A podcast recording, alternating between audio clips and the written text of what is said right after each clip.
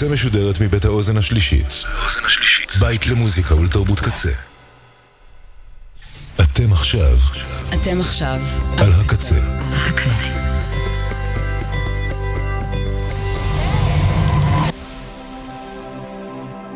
הקצה, הסאונד האלטרנטיבי של ישראל.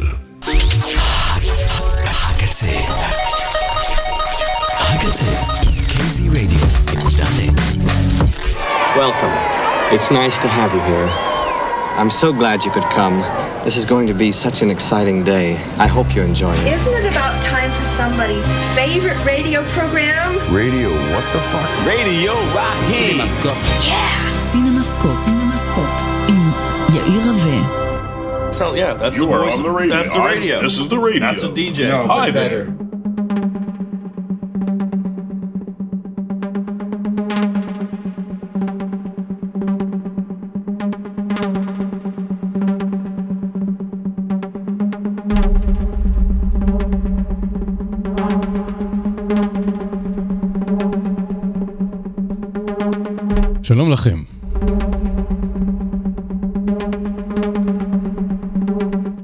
הבאים לסילמסקופ ברדיו הקצה. אני יאיר רווה. זאת תוכנית מספר 331, 16 במרץ 2022, י"ג אדר ב' תשפ"ב. היום תענית אסתר. אז בערב קוראים את מגילת אסתר ומחר פורים. משלוחי מנות, מתנות לאביונים, משתה היין, קריאת מגילה. אז קודם כל פורים שמח.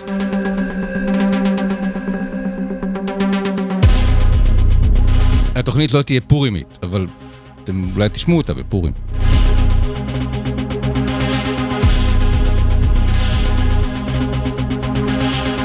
את סימסקופ ברדיו קצה עושים עומר סנש, בן אש, לאה שפיגל, בארי לבנת, תודה לאוזן השלישית, תודה לאנשי האתר והמגזין kzradio.net עם המון תוכן וחומר שאפשר לקרוא שם באתר.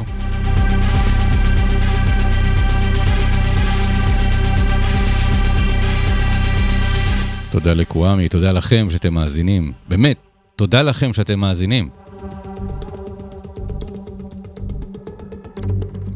ותודה לסינמטק תל אביב, כי סינמסקופ ברדיו הקצה משודר בחסות סינמטק תל אביב. הנה כמה המלצות אה, מהסינמטק לשבוע הקרוב. היום, ב, היום יום רביעי, בשעה תשע וחצי בערב, יוקרן הסרט האנימה, האנימה החדש, בל, בבימויו של ממורו הוסודה, מבכירי יוצרי האנימה ביפן. סוזו היא תלמידת תיכון בשנית שמנהלת זהות וירטואלית בשם בל ברשת אינטרנט חדשה. שם היא נתקלת ביצור מסתורי ויחד הם יוצאים למסע מלא הרפתקאות. מחר, חמישי, בתשע וחצי, מסיבת פורים, אפלה בסינמטק. נפתח אה, הם, כן, הם כותבים לי בגוף ראשון. אה, זה ייפתח בהקרנת אה, הסרט היו זמנים בתל אביב, סרט הגנגסטרים בבימויו של רפי פרח, וימשיך משם להופעות חיות של קלפטומנים, אחת הלהקות הלוהטות, בסצנת האינדי התל אביבי, ונסיים במחרוזת לעיתים של מבסוטון עם כוכבי הסרט. אה, שישי ותשע וחצי הוקרם QZZ, QZZ, סרט פולחן, מדע בדיוני סובייטי מטורף והזוי שהפך לתופעה תרבותית בברית המועצות ופופולרי עד היום ברוסיה. בדרכם לקנות לחם ואטריות בסופרמרקט הדוד וובה וחברו הכנר לוחצים על הכפתור הלא נכון במכשיר שיגור בין גלקטי ומשוגרים לגלקסיית QZZ.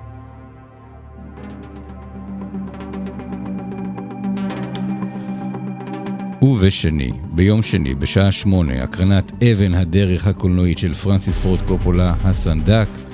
זאת לציון 50 שנים ליציאתו של הסרט לאקרנים. סיפור עלייתו של צעיר רבני במשפחת מאפיה, שהופך מבחור אידיאליסט למנהיג עריץ וצמא דם, הממשיך את דרכו של אביו. מאזיני סינמסקופ ברדיו הקצה יזכו לראות את יצירת המופת הזו על מסך גדול במחיר מיוחד.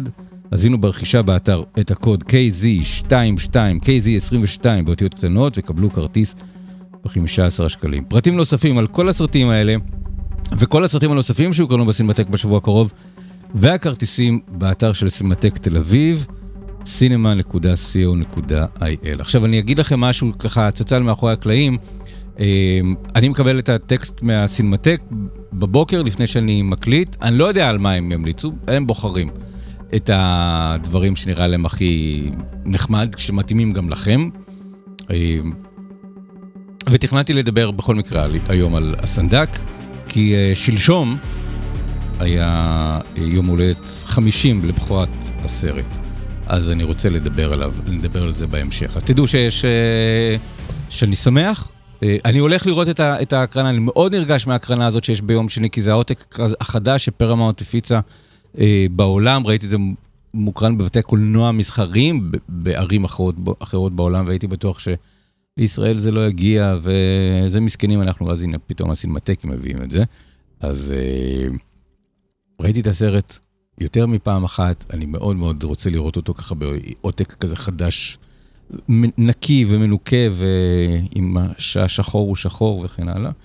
אז אה, נדבר על הסנדק בהמשך התוכנית. אבל אה, לפני הכל, אה, שיר, שיר חדש של הפיקסיס.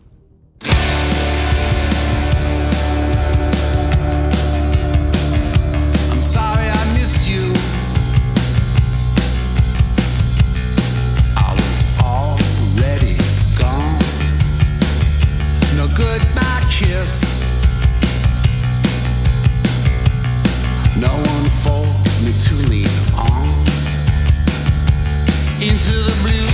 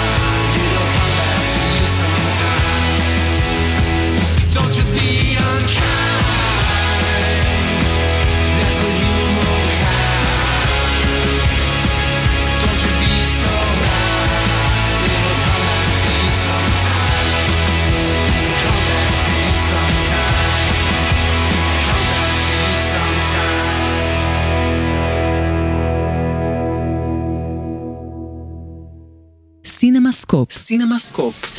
עם יאיר רווה. רדיו, what the fuck? שני סרטים עיקריים אה, יהיו במרכז התוכנית, יהיו אולי זנבות בסוף, אבל שני סרטים עיקריים שנדבר עליהם. הראשון הוא ויהי בוקר של ערן קולירין, השני הוא הסנדק של פרנסיס פורד קופולה. אה, המשותף להם זה ששניהם יוקרנו השבוע בבתי הקולנוע, אבל שניהם מתחילים בסצנות חתונה.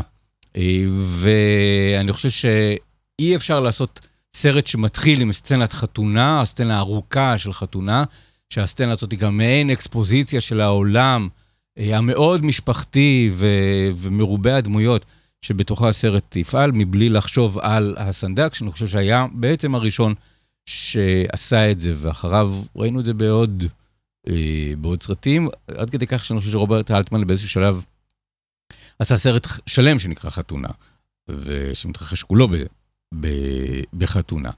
אז, אה, אז מוטיב החתונות אה, בתוך דרמות משפחתיות, אה, לאו דווקא שמחות, זה, ה, זה נקודת החיבור, והיא מקרית כמובן, כי אני מדבר על, על ויהי בוקר כי עולה מחר בבתי הקולנוע, והסנדק יוקרן ביום שני בסינמטק תל אביב, ואני חושב שגם בשאר הסינמטקים לאורך השבועות האלה, אז חפשו אותו. ויהי בוקר, אני מחכה כל כך הרבה זמן לדבר על הסרט הזה. כל פעם כזה יצא לי להזכיר אותו קצת לקראת יום הקולנוע הזה, ופרסי אופיר, ו... ו... ופה כתבתי עליו משפט, פה אמרתי עליו משפט, אבל רציתי כבר שהוא יצא, שאני אוכל לדבר עליו ביתר אריכות. ראיתי את הסרט בהקרנות האקדמיה אה, בקיץ, בקיץ שעבר, ומאז איכשהו נורא רציתי שעוד אנשים יראו אותו, אז כל פעם שה... שהיו הקרנות אקדמיות נוספות, או הקרנות רוב איכשהו כל פעם גררתי עוד אנשים לראות את, הסרט, אז יצא לי לראות אותו יותר מפעם אחת. אני אתחיל עם השורה התחתונה, אני, אני אוהב את הסרט הזה מאוד. אני חושב שזה הסרט הכי טוב של ערן קולרין, שכל הסרטים שלו טובים. אני אוהב את כל הסרטים של ערן קולירין, קולירין, אני חושב שהוא במאי אדיר, אני חושב שהוא תסריטאי פנומנלי. אה, הוא מצחיק אותי, הוא מרגש אותי. ומבין כל הסרטים המצוינים של ערן קולירין, הבמאי של אה, ביקור התזמורת, ומעבר להרים ולגבעות, ו... וההתחלפות, והמסע הארוך, אה, מבין כל הסרטים, הסרט הזה אני חושב שהוא השלם יותר, השלם ביותר, המבריק ביותר, זה שיש בו איזשהו סוג של גם, באמת, חזון קולנועי מופלא. אז אני לא חושב שצריך להגיד יותר, פשוט, אני אומר לכם, לכו לראות את ויהי בוקר, אני חושב שזה פשוט סרט פנטסטי, נורא מרגש. אני ראיתי אותו פעם ראשונה, אה, הוא, הוא חנק אותי מ, מ, מ, מרגש ומדמעות, הוא, הוא כל כך אה, גם יפה ויזואלית, הצילום של שי גולדמן, וגם אה, יש בו סיטואציה שאי אפשר שלא... לחוש אותה ולהרגיש אותה, ועוד רגע נדבר עליה ונפרק אותה. במקביל לזה, אה, בגלל שהסרט עוסק ב- ב- בערבים ודובר ברובו ערבית, והשחקנים הערבים שלו ניצלו את, את הבמות ש, שניתנו להם כדי לדבר אה, מסרים פוליטיים שהם לא קשורים דווקא לסרט, אבל, אבל קשורים לחיים שלהם. אה, נוצר, אה, אני חושב שסוג של משבר תקשורתי סביב הסרט הזה, שיש איזשהו סוג של התקשורת, בייחוד התקשורת הימנית, אה, חתמה את גורלו של הסרט הזה, אמרה זה סרט פוליטי, סרט על כיבוש. אז אל תקשיבו, זו דרמה משפחתית, מהסוג שערן קולירין כל כך טוב בליצור, רק שהדרמה המשפחתית הזו היא על משפחה ערבית. היא על משפחה ערבית, כי הסרט מבוסס על הספר של סייד קשוע, ויהי בוקר. וסייד קשוע כתב על החברה שהוא מכיר, והוא כתב באופן מאוד אה, ביקורתי ונוקב וכואב וחד וכועס ומאוכזב וגם אוהב. אה, את, ה, את התמונה הזאת של, ה, של החברה כפי שהוא אה, רואה אותה, חברה של הערבים הישראלים. אני חושב שסייד מגיע מטירה, אז אני מדמיין שהספר נכתב על, על טירה. בסרט של רן קולרין אין שם לכפר, זה איזשהו סוג של כפר, נגיד בגליל, ערבי-ישראלי, ולכפר הזה מגיעים הרבה אנשים לחתונה, ככה הסרט מתחיל. אה, הגיבור שלנו מגיע לחתונה של, אחות, של אה, אה, אחיו, עם בחירת ליבו, ושם אנחנו בעצם פוגשים את כל הדמויות של הסרט, כל בני המשפחה שתעמוד במרכז הסרט, ואת רוב בני הכפר. הכפר הזה שיעמוד בלב הסרט. וכאן מתחיל המאורע המחולל, שכשהמשפחה של הגיבור רוצה לחזור מהכפר חזרה הביתה לירושלים, כי הוא עובד בסטארט-אפ בהייטק בירושלים, אה, הוא לא יכול כי יש, מוטל סגר צבאי על הכפר. והוא צריך לחזור. והסגר הזה סוגר את הכביש שמוציא את הרכבים מהכפר, וחוסם באופן על-טבעי את אה, התקשורת, את, אה, את, אה, את כל האמצעים התקשורת הסלולריים. אז הם גם הם לא יכולים לצאת, לא יכולים להיכנס ולא יכולים להתקשר לאף אחד בחוץ. זה קצת כמו הסיטואציה של WandaVision. אבל, וזה על-טבעי וזה, וזה מדע בדיוני, ממש כמו WandaVision, כי זה לא משהו שקורה או קרה, אין סגרים צבאיים על כפרים אה, ישראלים ב- בתוך גבולות ישראל, לפחות לא מאז אה, ביטול השלטון הצבאי, שזה היה ב-1977. ואני חושב שאחת הטענות נגד הסרט זה, למה אתם מראים את הישראלים עושים אה, סגר על, על אה, כפר ערבי? זה, זה, זה כדי להנכיח את זה שיש כיבוש ושיש אפליה, אבל זה נמצא שם בתור תחבולה עלילתית תסריטאית, זו התחבולה שנמצאת בספר, זה, זה עיקר ההמצאה של סייץ קשוע בספר, ש, שצה"ל סוגר את הכפר הזה. קודם כל מתוך תחושה שזה, שהוא יכול לעשות את זה, אוקיי? בואו בוא לא ניתמם. אבל, וזו הסיבה שהסרט הזה כל כך הפעים אותי, זו סיטואציה שבאופן תיאורטי יכולה לקרות בכל מקום. זה סרט שאם יראו אותו, היה בפסטיבל כאן לפני שנה. אם יראו אותו מספיק אנשים בחו"ל, אה, או יקראו את הספר, נורא קל לעשות לסרט הזה רימייק בהרבה מקומות בעולם שנמצאים על, על קווי תפר בין, אה, בין אזור אה, של אוכלוסייה, אוכלוסיית מיעוטים ובין אזור של אוכלוסייה יותר, יותר חזקה. נגיד, כפר על גבול, או עיירה קטנה על גבול מקסיקו-ארצות הברית. למשל, או על גבול איזושהי מדינה אירופאית או מזרח אירופאית, או מין מקום כזה ש, שיכול להיות מקום, נקודת גבול בין, בין מקומות, ו, ושיכולה להיות איזושהי סיבה שמישהו מחליט מסיבות ביטחוניות, uh, משטרתיות, שלטוניות, uh, להגיד, אוקיי, עכשיו בימים הקרובים יהיה סגר על הכפר הזה מסיבות כאלה ואחרות, והסיבות מומצאות. העניין הוא שהסרט אה, צולם ב-2018, וההפקה והעריכה והמוזיקה וכל זה נמשך לאורך 2019, ו... והוא היה צריך לצאת ב-2020. אבל ב-2020 הייתה קורונה, ואף סרט לא, לא יצא לשום מקום. אז הסרט יצא בעצם לעולם ב-2021 ומגיע אלינו ב-2022. הסרט הזה נבואי בצורה מצמררת. הסרט הזה בעצם עוסק על, על, על סגרים. אז במקום לקרוא לסגר קורונה, הם קוראים לסגר צה"ל. אבל השאלה היא לא למה יש סגר, אלא מה קורה לאנשים בתוך הסגר. לכן, היום אם מישהו רוצה לעשות את, לקחת את הסרט הזה ולעשות לו רימייק, אז נורא קל, כי הסגר יהיה סגר קורונה. זה יכול להיות כפר בסין, או כפר באיטליה. למה אסור לצאת מהכפר? קורונה.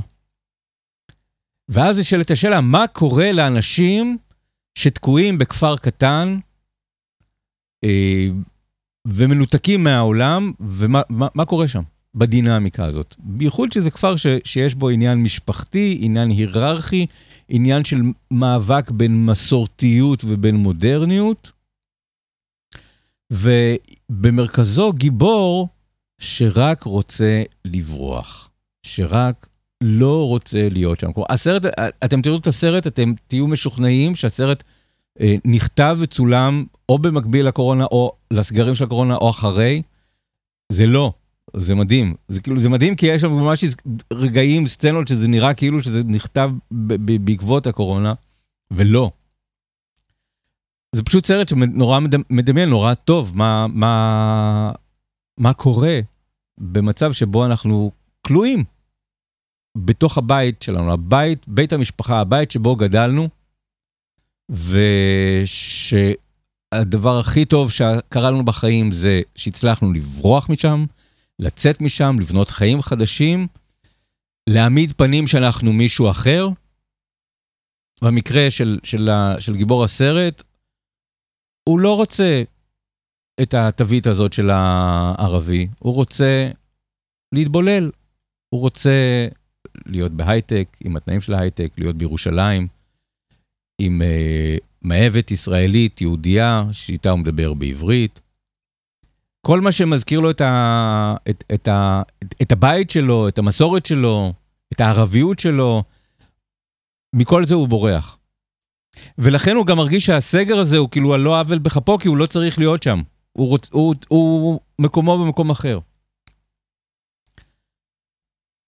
והוא תקוע בבית עם אבא שלו, של אבא שלו יש ציפיות, אבא שלו בונה לו בית יפה, מהודר, גדול, והאבא מצפה שכשהבית הזה יהיה מוכן, אז uh, הבן ואשתו וה, והנכד יבואו לגור בצמוד לבית ההורים, ואין דבר שהגיבור שלנו רוצה פחות מזה.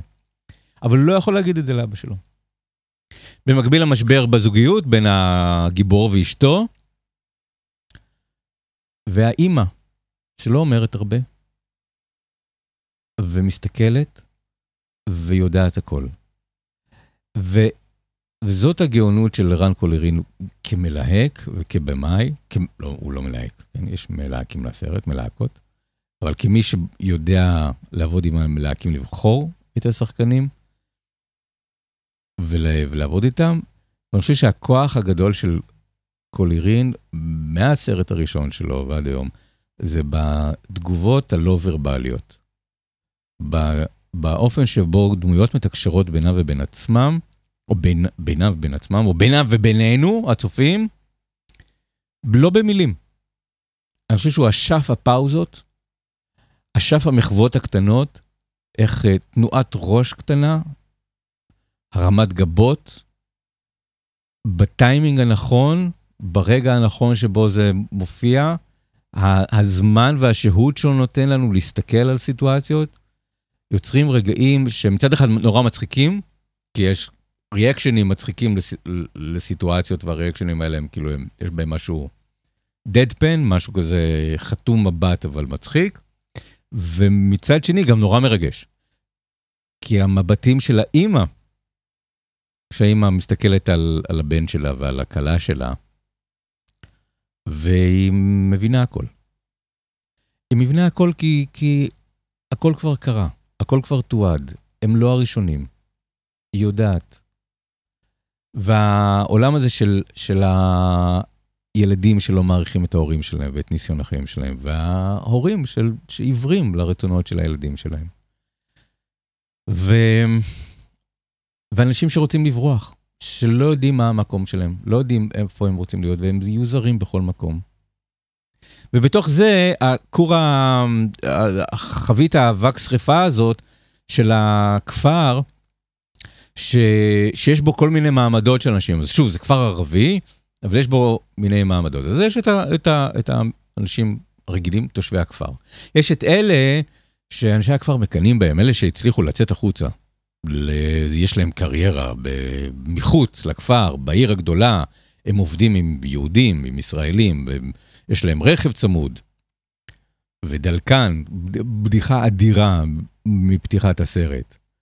יש את הרגעים האלה שאני, שמגיעים לסרט ואני אומר, וואי, אני אוהב את הסרט הזה, אז הרגע הזה מגיע חמש דקות מתחילת הסרט עם הקטע הזה שבו אה, שני בני משפחה, משווים ביניהם את התנאים שמקבלים אה, מהחברות אה, הישראליות שבהם הם עובדים, רכב צמוד וכן הלאה.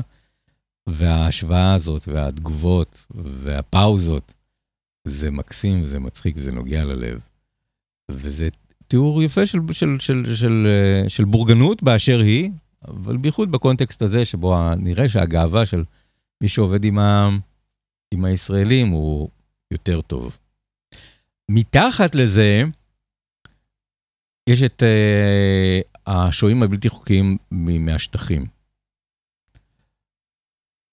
שמסתבר שלא uh, רק אנחנו הישראלים גזענים כלפי ערביי השטחים, מסתבר שגם ערביי, uh, ערביי ישראל, על פי התסריט ועל פי הספר של, uh, של סייד קשוע, מסתכלים עליהם באופן, uh, בעין עקומה, הם לא רוצים אותם שם. הם רוצים שיבנו להם את הבתים, בדיוק כמו הישראלים, אבל הם לא רוצים שהם יהיו שם, הם נראים להם ערבים פחותים. יש להם שמות גנאי עבורם, הם מסתתרים מפני השלטונות, ולפעמים גם מסגירים אותם לשלטונות. אז יש לנו פה שלוש היררכיות של, אה, של, אה, של דמויות, של אלה שברחו, של אלה שנמצאים שם ותקועים שם, ואלה ש... שבמידה מסוימת כלואים שם, שאין להם ברירה אלא להיות שם, הם לא רוצים להיות שם, ואף אחד לא רוצה שהם יהיו שם.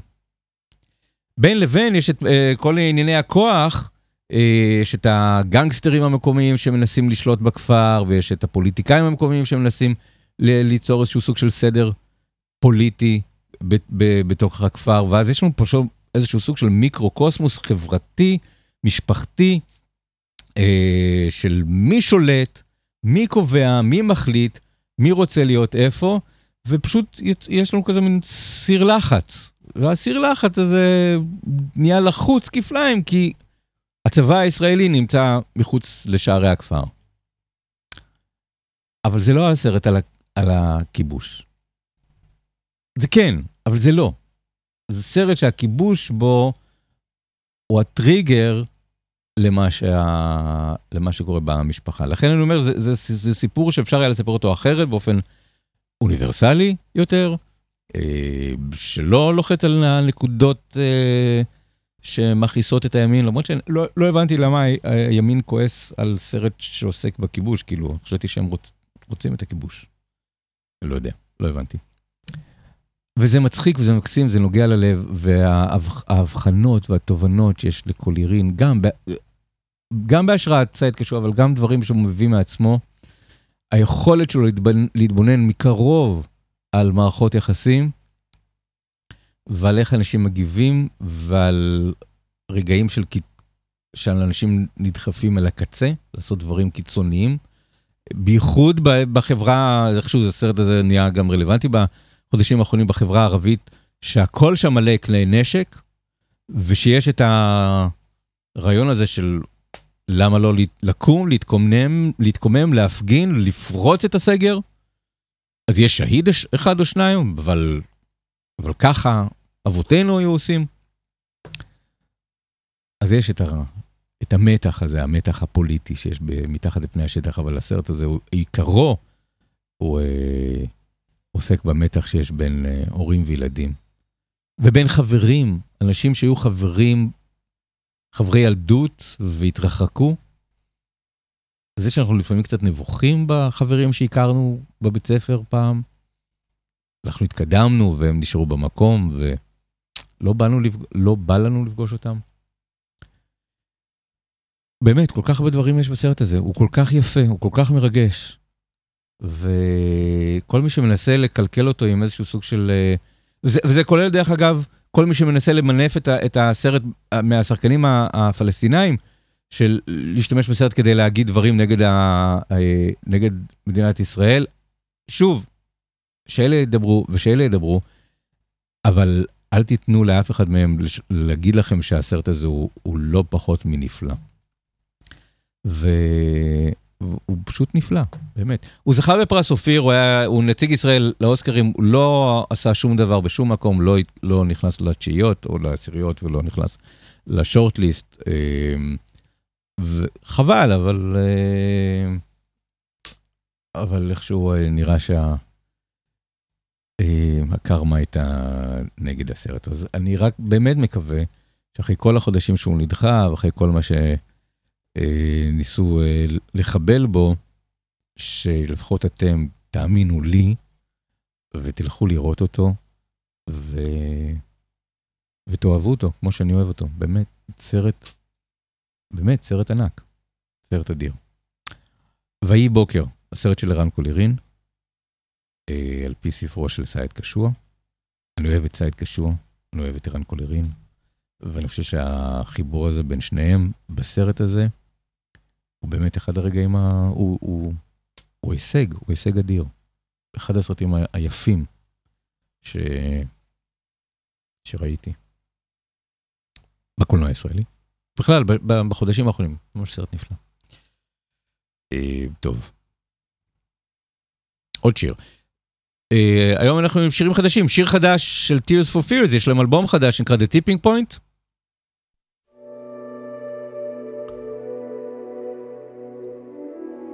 שהוא לא אלבום גדול, אבל יש בו שירים מאוד יפים. למשל זה, שיר הנושא מתוך האלבום, האלבום נקרא The Tipping Point, נקודת ההיפוך, נדמה לי, וזה השיר The Tipping Point אה, מתוכו. Tears for Fears עושים קאמבק, ויש להם אלבום חדש שיצא ממש השבוע.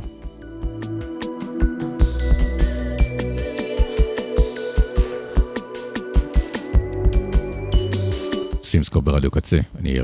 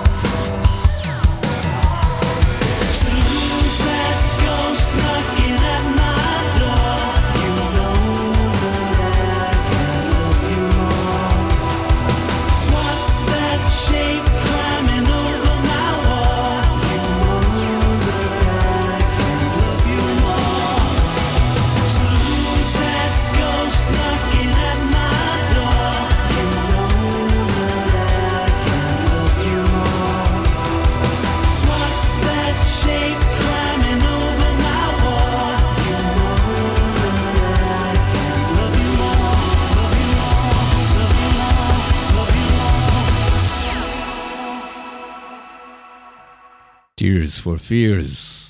Tipping Point.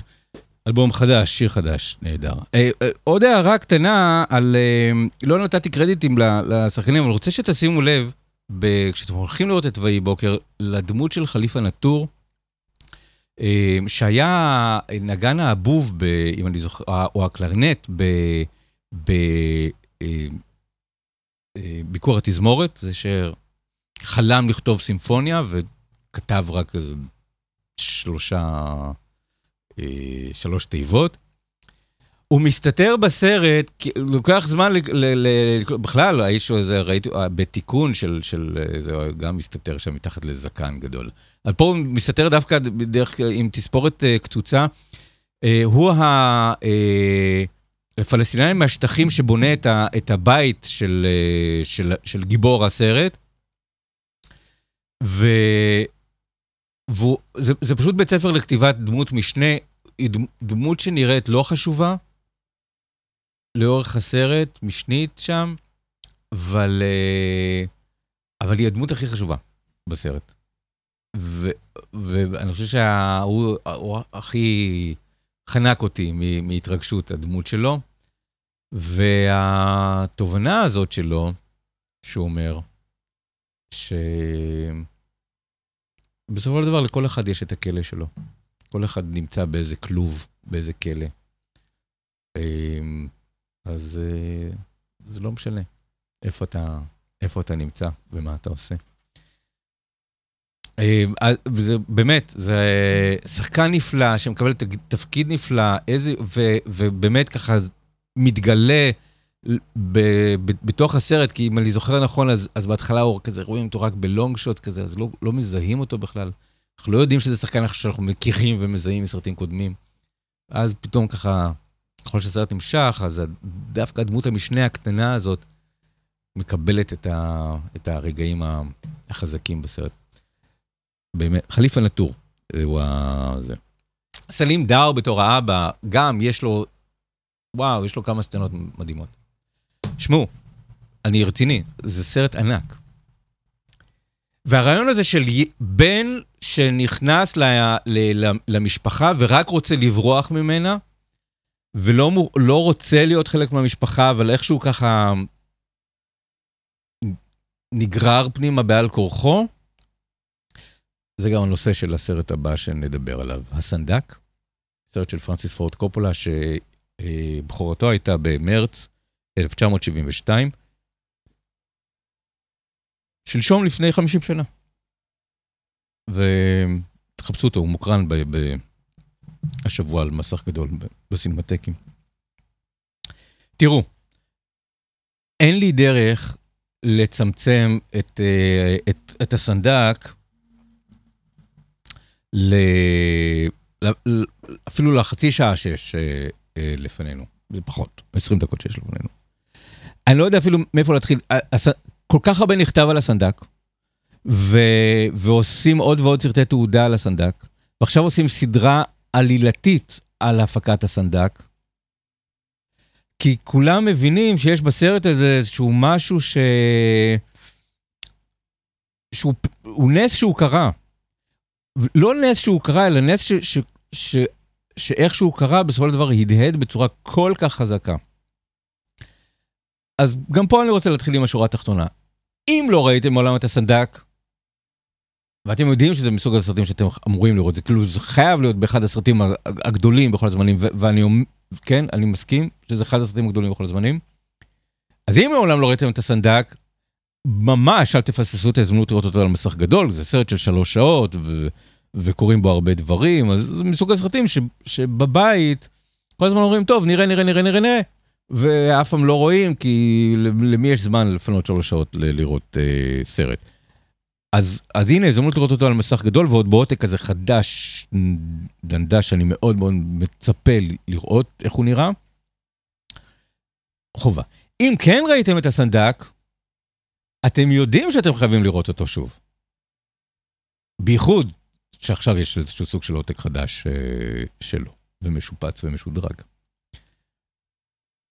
אז, אז אני מאוד נרגש מה, מהדבר הזה, מזה, מההזדמנות ל- לראות את הסרט שוב על, אה, אה, מסך גדול בנסיבות האלה. וצריך לזכור, כי הסנ... ברגע שסרט מקבל את המעמד הזה של, של, של יצירת מופת וזכה באוסקר, ונמצא ברשימות אה, הסרטים החשובים של כל הזמנים, הטובים, החשובים, הגדולים האמריקאים, הגדולים, וכן הלאה. אה, אז, אז באמת יש איזשהו, כשיש איזשהו מרחק מסרט כזה, אני מכיר את זה גם כשאני התחלתי לראות סרטים כזה, להשלים סרטים לאחור, אז יש רגע שאומרים, אוקיי, זה, זה לדור הקודם, זה לא רלוונטי לי, זה, אני, אני אראה את הסרטים החדשים ואשאיר את הישנים לה, להורים, למורים לקולנוע. ראיתי סצנות, הבנתי. מרלון ברנדו, אל פצ'ינו, הבנתי. אז הסרט הזה קודם כל צריך לזכור שלמרות הנושא הזה של שהוא עכשיו בסינמטקים וברשימות סרטי המופת, ב-1972 הוא היה הסרט הקופתי בכל הזמנים. כלומר, הוא היה נוקמים סוף המשחק של 1972. הוא החזיק בתואר הזה את הסרט הקופתי המצליח בכל הזמנים, הוא החזיק בו שלוש, שלוש שנים עד שיצא מלטעות של... של ספילברג, שהדיח אותו מה... אה, מרשות הטבלה. אה, הוא היה שובר קופות. והוא מבוסס על ספר שהיה רב-מכר. ספר שהוא, אה, תמצאו איזה שם גנאי לספרות זולה כזו או אחרת, ספר טיסות, או ספר כריכה רכה, או ספר המוני, אבל זה, זה לא, מריו פוצו שכתב את הספר, לא, אה, לא כתב את מלחמה ושלום, או את אה, אנה קרנינה. הוא כתב ספר של, של... אנשי הספרות לא החזיקו ממנו במיוחד. אז אמרו, אוקיי, ספר שמאוד הצליח, המונים קראו אותו, נהפוך אותו לסרט. והסרט, גם בעקבות הצלחת הספר, אה, מאוד הצליח. אז יש לנו פה איזשהו סוג של, אה, לפני 50 שנה, נקודת מפגש ושיא של התרבות הפופולרית. המקום ש... והתרבות, ה... והסרט הכל כך פופולרי הזה היה עשוי כל כך טוב, שהוא גם הפך מיד ל... ליצירת מופת. תנסו לעשות איזושהי השוואה ל... לסרטים בני זמננו, אז אה, שר הטבעות, שיבת המלך, של פיטר ג'קסון אולי, משהו כזה של גם מבוסס על ספר, אבל כן, ספר כזה, הרפתקאות, פנטזיה לילדים ונוער, והפך לסרט בידיו של, של מאסטר, וזכה באוסקר, ונחשב ליצירת מופת. או, או כל חיבור אחר, קומיקס, סרטי קומיקס, לא יודע. אז, אה, אז זה, אני אומר את זה כי, כי לפעמים כשמדברים על יצירות מופת ועל, ועל סרטים קלאסיים, לפעמים נדמה לנו שאנחנו צריכים לבוא עם איזשהו סוג של הכנה מנטלית, של ריכוז, לא, זה, זה מאוד פשוט, זה, זה, זה דרמת משפחה, שהמשפחה הזאת היא, היא משפחת המאפיה, המאפיה האיטלקית. בשנות ה-50, 40-50, בניו יורק. אז אה, אם לא ראיתם את הסרט, אז קחו בחשבון שאתם באים לראות באמת את אחד מפסגות התרבות הפופולרית, אבל באמת סרט שנעשה בצורה יוצאת דופן. טובה במיוחד, עם הצילום של גורדון וויליס, עם המוזיקה של נינו רוטה, עם הבימוי של, של אה, והתסריט של אה, פרנסיס פורד קופולה, שהוא גאון. אנחנו זוכרים את זה, הוא גאון. אבל יש נקודה שאני אוהב לדבר בה. בקונטקסט של הסרט הזה, וזה ש... כאמור, אני מכיר את הסרט טוב, אבל, אבל לימים התחלתי ל, ל, להשלים פערים, ב, לא בתרבות המערב העכשווית, אלא בתרבות המזרח העתיקה, ולקרוא את uh, ספרי התורה והתנ"ך, תורה, נביאים, כתובים, והגעתי לספר מלכים, א', פרק א', שבו uh, דוד המלך uh, הזקן אה, עומד ללכת לעולמו ומעביר את השלטון לבנו, שלמה המלך. יש אה, מאבק על הירושה, מי, מי יירש את המלך, מי, מי יהיה המלך אה, במקומו. אה, שלמה לא אמור להיות יורש העצר, אבל דוד בוחר בו. כי הוא יודע שהוא האיש הנכון למשימה. ורגע לפני מותו של דוד המלך הוא נותן לבנו, שלמה, רשימת משימות. מה הוא צריך לעשות כדי לבסס את שלטונו אחרי מותו. נותן לו רשימת, קיל ליסט. אלה האויבים שלי, חסל אותם. אלה האנשים שהבטחתי להם שאני לא אחסל אותם, חוס עליהם. אלה האנשים שהיו טובים אליי, טפל בהם. כשקראתי את זה בפעם הראשונה באחת ההפטרות בשבת, מלכים א', פרק א', אני זוכר שעשיתי דאבל טייק, אמרתי, וואו, אני מכיר, את, אני מכיר את הסיפור הזה, ראיתי את הסרט. ואז קלטתי ש... שמריו פוצו, כשהוא כתב את הסנדק, הוא מצד אחד כתב את, את הסיפור של המאפיה, הוא איטלקי, המאפיה האיטלקית. קופולה לא כל כך רצה להיכנס לעולם הזה של, ה, של הסטריאוטיפיזציה של המשפחה האיטלקית כמאפיה. לא כל האיטלקים הם מאפיונרים, אבל כנראה שרוב המאפיונרים איטלקים. לפחות אלה שהם קוראים לעצמם מאפיה. אבל פוצו באמת כן תיאר את, ה, את, את העולם של, ה, של המאפיה, איך, ה, איך המהגרים מסיציליה אה, יצרו אה, עולם תחתון ב, בניו יורק. אבל הוא בעצם עשה עיבוד לסיפור דוד ושלמה. כנראה שהוא למד את זה כילד או כנער בסנדיי סקול, ונכנס לו לראש. ואז כשחושבים על זה, פתאום מבינים את הדבר הזה של, של מלך. כי אם אין לנו דרך לעשות, אם אנחנו רוצים לעשות, להבין מה זה מלך, מלכים של פעם, אז או שאנחנו עושים סרט תקופתי, או שאנחנו עושים סרט פנטזיה, כלומר, שובו של המלך, שר הטבעות, עולם של פנטזיה, אז יש מלכים. או אה, משחקי הכס, אז יש שליטים ומלכים שיש להם ש, שלטון אבסולוטי. אבל אם אנחנו רוצים לעשות את זה משהו שקורה בהווה, איך אנחנו יכולים להתעסק בעולם הזה שיש בו מלוכה? המל... הרעיון ב- ב- במלך זה שמלך יכול לחרוץ גורלות. מלך יכול להוציא אנשים להורג. מלך יכול ל- ב- ב- בהחלטתו לרומם אנשים, להפיל אנשים.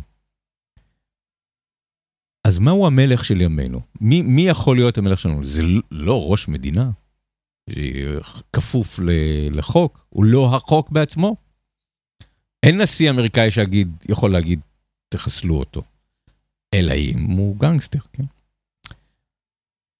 ולכן יש פה איזושהי הברקה אדירה, שכדי לגרום לנו להמחיש את, ה, את העולמות העתיקים, את העולמות אה, של ימי המלוכה והקרבות בין שבטים ובין מדינות ובין ערים ו, ומלחמות טריטוריה, להעביר את זה להווה ולתת את זה בידיו של הקוז... אה, קוזי, אה, של ה...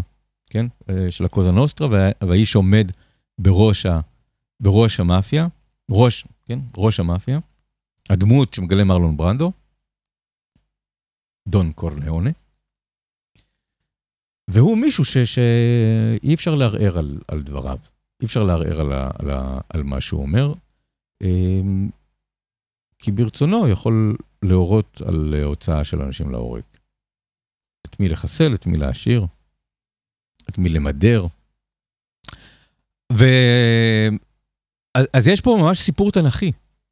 אתם יכולים לראות את זה כ- כסרט מאפיה, אתם יכולים לראות את זה כסרט שמדבר על, על, אה, על היסטוריה של אמריקה, אמ, אה, אמריקה של שנות ה-50 ואילך, ואחר כך בסנדק 2 עוד אחורנית וגם קדימה, על, אה, על האופן שבו העסקים וה, והפשע המאורגן התערבבו, סחר בסמים, הימורים, פוליטיקה, כל העולמות האלה, איך, איך הם... איך הם יצרו את, את הדבר הזה שנקרא אמריקה, ארצות הברית. אבל, אבל בסופו של דבר יש לנו פה ממש איזשהו סוג של דרמה תנכית על משפחה ועל על מישהו שרואה את המשפחה שלו ולא רוצה להיות חלק ממנה. ואז מבין שאין לו ברירה, אלא גם כי גוררים אותו פנימה, זה כאילו המשפט הזה הידוע של מייקל קורליאול, כאילו כל הזמן גוררים אותו פנימה. רוצה לצאת ו- ומושכים אותו פנימה. אז פה אנחנו רואים איך, איך מושכים אותו פנימה, מתוך זה שיש לו אחריות למשפחה, ומתוך תקווה שהוא זה שיצליח לתקן את, ה... את הדברים. אז, אה, וקופולה, זה לא רק קופולה לבד, אני מניח ש, שכשיעשו את הסדרה הטודי, נראה את כל זה, זה רוברט אבנס המפיק שהיה, אז בפרמאונט, וזה היה, אה, זה בעצם היה הרעיון שלו, לעשות את, ה, את הסרט, והוא זה שהביא את קופולה, והוא זה שביקש מקופולה שזה יהיה עמוק ועשיר וארוך ואפי. ואז אז יש פה אולפן מאחורי זה ויש במאי באמת מוכשר נורא. הסנדק, אה, וזה גם סרט כל כך ארוך שיש בו כל כך הרבה אלמנטים שאפשר לאהוב אה, בתוכה. אז אה, יום הולדת שמח, סנדק וקופולה ואל פצ'ינו ומרלון ברנדו ודיין קיטון. ו...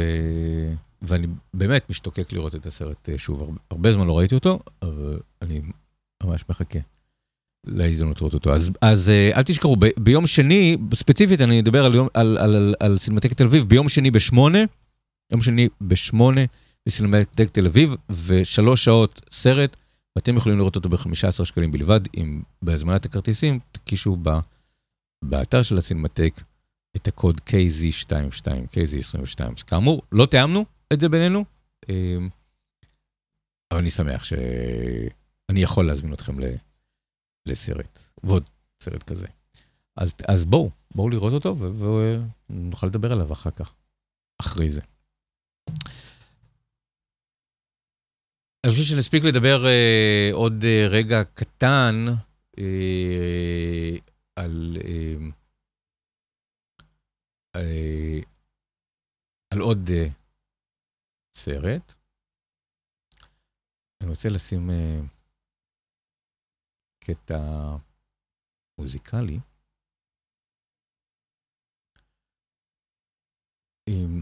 לודווי גורנסון הוא האיש uh, uh, שמלווה אותנו בפתיחים שלנו בתוכנית. Uh, בחרתי קטע שלו מטנט, אבל יש לו עכשיו פסקול חדש. רגע, אוי, סליחה, סליחה. לא זה. הסרט נקרא אה, אדומה אש, הסרט החדש של אה, פיקסאר, Turning Red באנגלית. מי שביימה אותו היא דומשי... אה, אוי, כתבתי לי, אבל היא לא דומשי לי, סליחה, אני מתנצל. אה,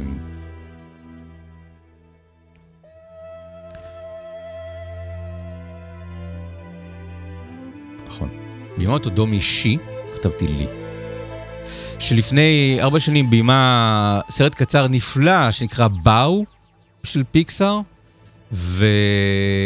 ו Turning Red הוא אה, קצת אה, הרחבה של הרעיונות שהיו ב Bao לסרט באורך מלא, על התבגרות של ילדה ממוצא סיני בטורונטו. ו... והמוזיקה היא של לודוויג גורנסון. אה, אני יוצא פה, תכף נשמע את, אה, את ההמשך. אה, סרט מקסים, סרט מקסים כי הוא, כי הוא uh, מקורי, כי הוא ממש מרגיש כמו אוטו, אוטוביוגרפיה של היוצרת. כמה פעמים פיקסר יצרו אוטוביוגרפיה, uh, אבל, אבל עם איזשהו סוג של uh, התבוננות פנימה לתוך הרגשות, כי פיקסר הפכו להיות אולפן הקולנוע שהכי מתעסק בעולמות הפנימיים של, אה, שלנו. אה, הכל בראש ונשמה, הכל בראש דיבר על רגשות ונשמה דיבר על, על, על, אה, על, על נשמה, ו, ואדומה אש מדבר על הורמונים, אני חושב. או על גיל ההתבגרות, או על הסערה הזאת שקורית ב, ב, בתוך הגוף, ספציפית פה גוף של, של נערה, שברגעים שהיא מתעצבנת ו- ונהיית לחוצה, היא הופכת להיות פנדה אדומה ענקית. ומתחילה להשתולל. ואז אה, היא צריכה לנסות להשתלט על הפנדה אדומה שבתוכה, והיא מבינה שהפנדה הזאת מלווה את בנות משפחת, המשפחה שלה לאורך השנים. אז יש פה משהו שהוא מצד אחד מאוד מאוד מבוסס על התרבות הסינית, ומצד שני גם מאוד מבוסס על התרבות הקנדית.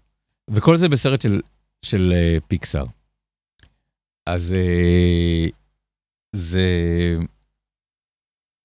זה לא גדול, אבל, אבל יש, יש, פה, יש, יש בו הברקות, כי אני חושב ש, שפשוט ראיתי שם דברים שאמרתי, וואו, כאילו, זה, זה נראה כל כך, כל כך, כל כך ספציפי, שזה מרתק, כי אני מניח שבסופו של דבר, אה,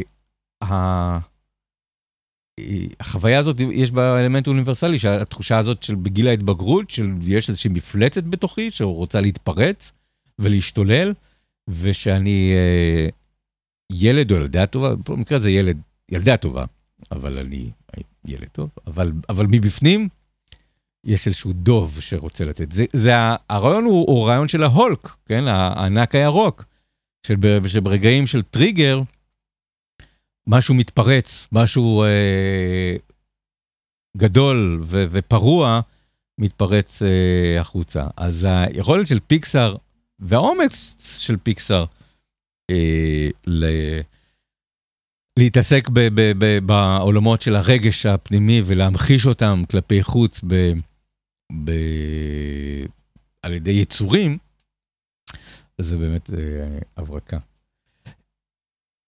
הילדה ב, אה, בסרט היא תלמידה מצטיינת, היא בת אה, צייתנית ונאמנה להוריה, ובייחוד לאימה המאוד מאוד דורשת, אבל היא גם אוהבת פופ. זה סרט שמתרחש, אם אני זוכר נכון, בתחילת שנות האלפיים. אה, היא אוהבת אה, אה, פופ, פופ קוריאני, באופן ספציפי, זיהיתי נכון את הסגנון המוזיקלי. או סתם איזשהו boy, boys band, boy band, שמגיעה להופעה בטורונטו והיא נורא רוצה להיות שם. אימא שלה כמובן אוסרת עליה והילדה מחליטה למרוד באימא שלה.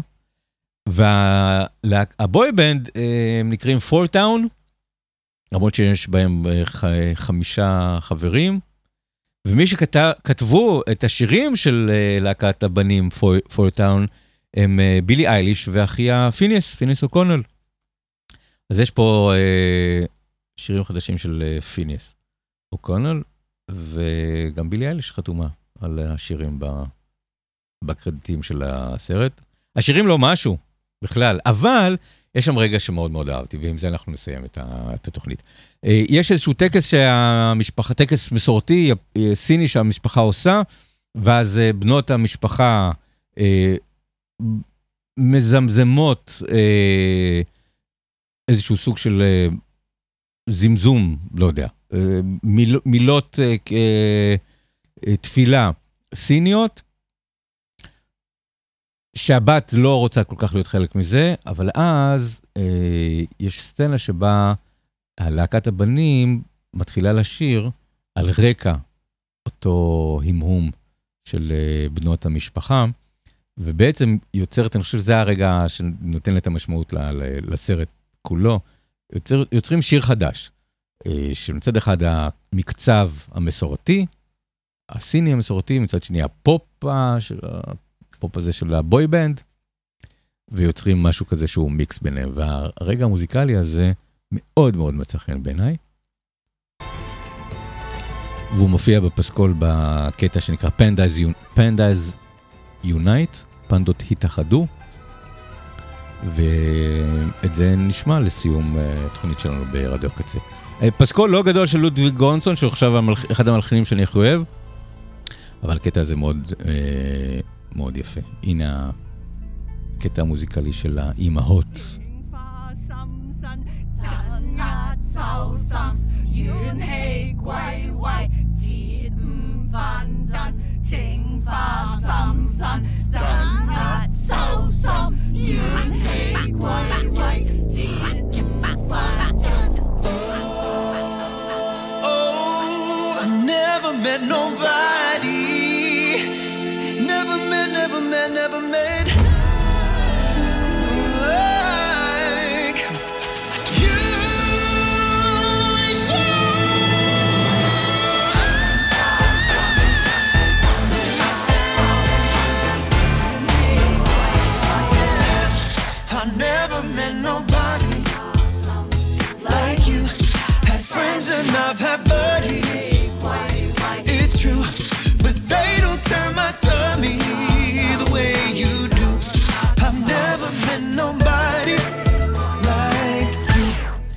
living out on my mind.